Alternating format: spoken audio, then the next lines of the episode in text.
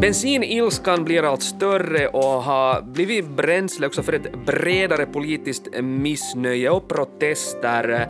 Elpriserna stiger och pandemitröttheten pikar och det här skapar en sån här politisk molotovcocktail.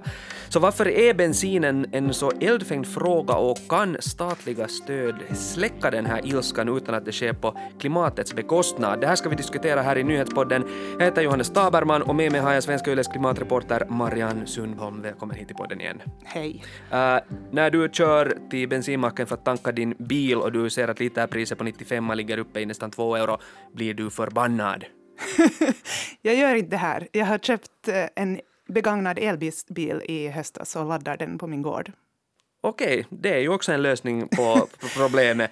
Eh, jag kör med bensinbil, eh, jag vet inte om jag blir förbannad när, när det, bensinpriset stiger, det förstås stör mig, nu skulle jag förstås också hellre köra billigare, men den här två euro litern för bensin verkar vara någonting av en sån här smärtgräns, eller det får många att se rött, och nu planeras nya bensinprotester i flera städer och det har lämnats in ett medborgarinitiativ om billigare bensin och den här bensinilskan har vuxit till sig här redan under fjolåret. Och det finns liksom globala förklaringar till det här pandemin spelar in och så här.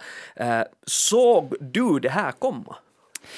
Eh, Bensinpriset är ju förstås någonting som, som eh, berör väldigt, väldigt, väldigt många människors vardag och liksom rent konkret känns för, för många varje vecka. Sen var det väl ingen som såg att priset skulle gå, gå upp så här snabbt som mm. det har gjort nu mm. de senaste veckorna. Och då talar vi ändå från, från december framåt en, en ordentlig ökning. Att, att före det en stabilare prisutveckling ändå. Så den här eh, stora prisökningen har nog tagit alla på sängen, också regeringen. Mm, och då sker det här samtidigt som vi ser också att elpriserna har stigit och, och, och så här, mm. så att här finns mycket som retar upp äh, folk nu. Äh, de här konvojprotesterna har ju fått mycket uppmärksamhet och de protesterar nu mot många olika saker, ja, också det... bensinpriser. Ja. Men, men jag tänker liksom här att, att, att det visar i alla fall liksom att den här bensinen har blivit en väldigt eldfängd fråga. Men, men hur mycket dyrare har bensinen egentligen blivit? Eh, det är bra att komma ihåg att bensinpriset, när man tittar på hushållens utgifter i Finland, så bensinpriset står för ungefär 3-4 procent av hushållens utgifter. Mm. Uh, och där är ju liksom andra kostnader som också har ökat. Så när man jämför med uh, vad bensin kostade på 80-talet och vilka andra utgifter man hade då, så uh, var hushållens utgifter mycket mer känsliga för bensinpriset då än vad de är idag. Men uh, det är liksom en så lätt sak att följa med också. Du ser ju varje gång du åker och tankar vad priset är. Och sen är det ju nu ska vi säga att det är fråga om bensinpopulism, att det är populistiska krafter som vill koppla ihop det med uttryckligen klimatåtgärderna när bensinprisets ökning inte handlar om dem ändå. Och det här ser vi ju också en, en politisk tvist inom oppositionen i Finland och när Samlingspartiet så kraftigt tog avstånd från Sannfinländarnas interpellation om den här saken. Mm. Men det är intressant just och det är kanske bra att komma ihåg att den, liksom den här bensinilskan den är väldigt känsloladdad för du som du var inne på så jag menar bensinbilarna har ju också blivit bensinsnålare och vissa är ju förstås fortfarande väldigt bilberoende men det går ändå i den riktningen att, att man inte är lika bilberoende. Så det här bygger på en stark känsla, en sån orättvisa som många upplever. Vad är det som gör bensinen till en så eldfängd politisk fråga? Jag skulle gärna vilja veta det här, för varje gång jag rapporterar om trafikfrågor så är det jättemånga som är upprörda. Och, och jag skulle gärna vilja veta varifrån den här ilskan mot till exempel elbilar kommer. Varför är det så viktigt att få hålla fast vid eh, sin bensinbil där man är beroende av ett bränsle som priset bestäms av oljeproducerande länder. Eh, det är det ju många politiker som nu har poängterat från flera olika partier att mm. vi kan inte förstärka det beroende så att vi, vi är fast vid fossila bränslen där priset bestäms av, av eh, någon helt annan än, än oss, utan det beroende borde vi komma bort från. Men nej, någonting är det ju med bilar och uh, klimatfrågan överhuvudtaget. Jag tycker nästan det känns som den svåraste diskussionen. Mm.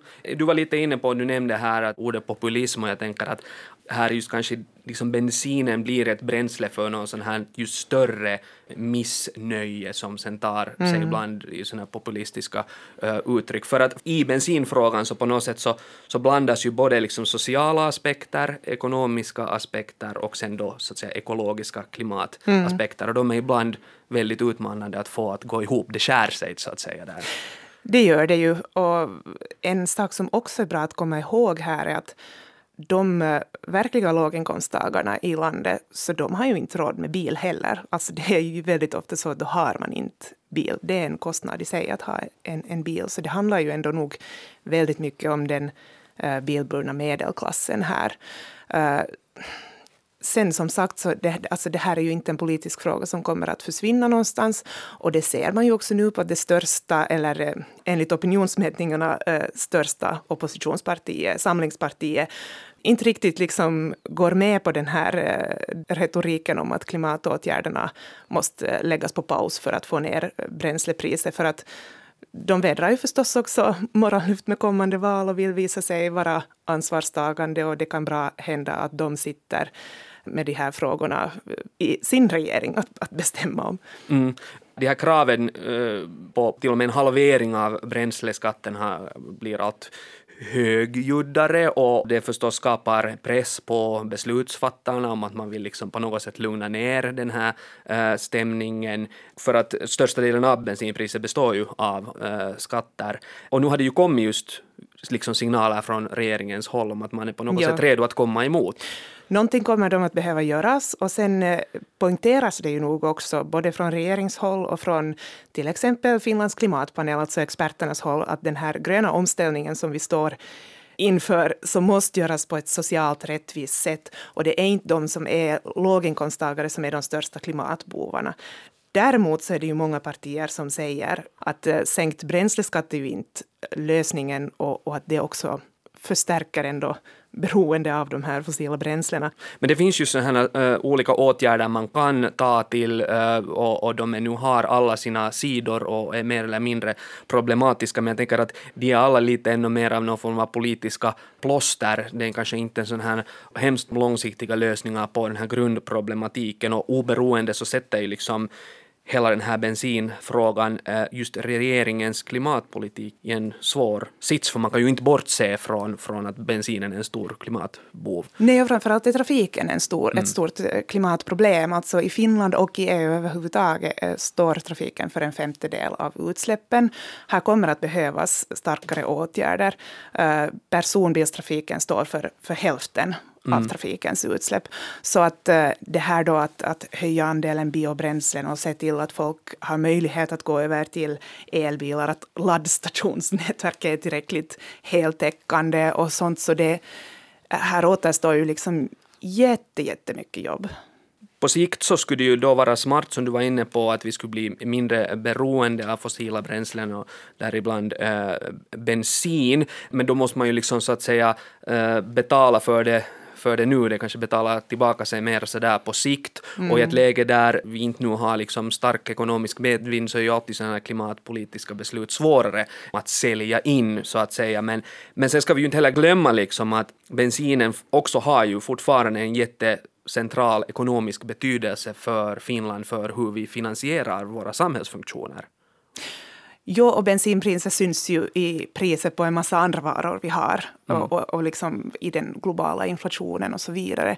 Men, men här är nog att komma ihåg att den här ökningen beror på att oljeproducerande länder redan före pandemin har gått in för att eh, begränsa utbudet för att få priset att höjas. Så att, att det här att vara så här beroende av oljeproducenter är förstås en riskfylld sak på många sätt.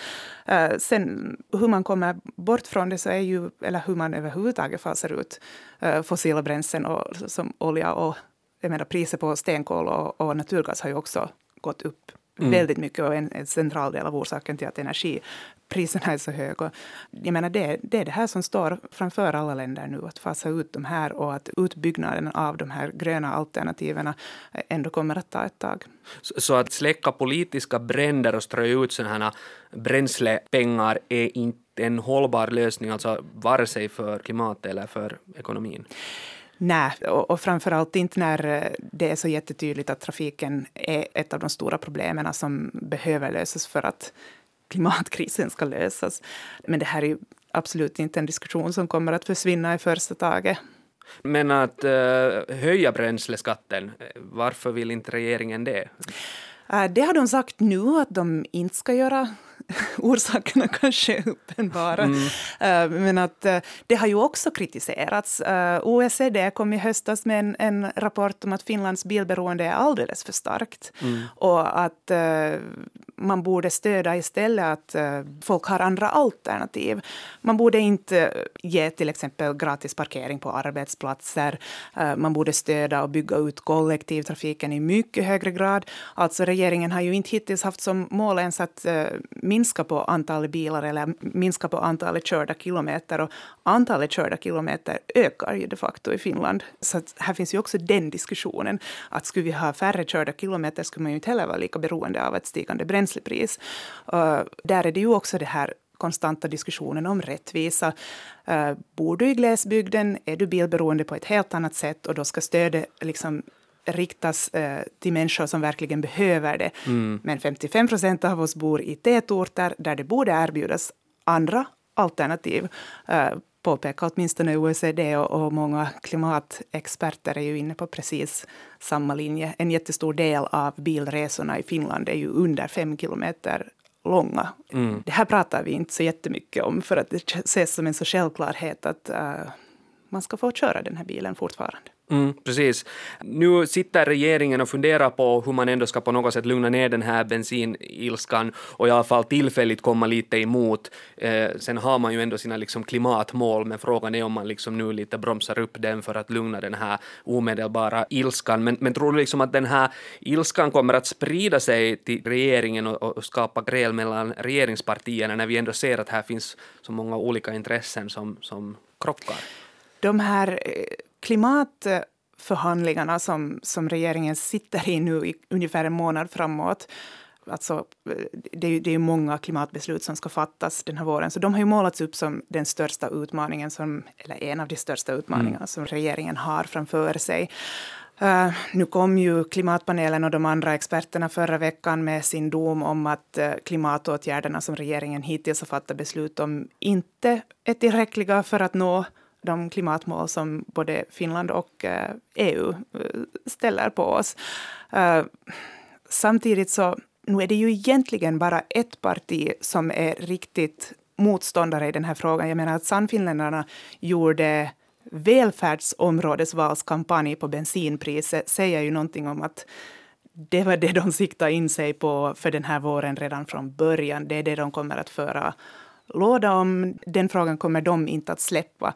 Men när man samtidigt sen ser att, att eh, det också inom oppositionen finns ett liksom starkt stöd för klimatmålen. Sen finns det ju liksom inom olika partier lite olika åsikter om hur man ska nå dit. Men det, det är nog ändå hemskt få som faktiskt tar avstånd från att eh, de här klimatmålen behöver nås. Jag tänker samtidigt, de gröna det är säkert lite upp till bevis för dem nu att visa mm. sig på styva linan och sen har vi Centern som kanske försvarar mera just glesbygdsbilisternas intressen.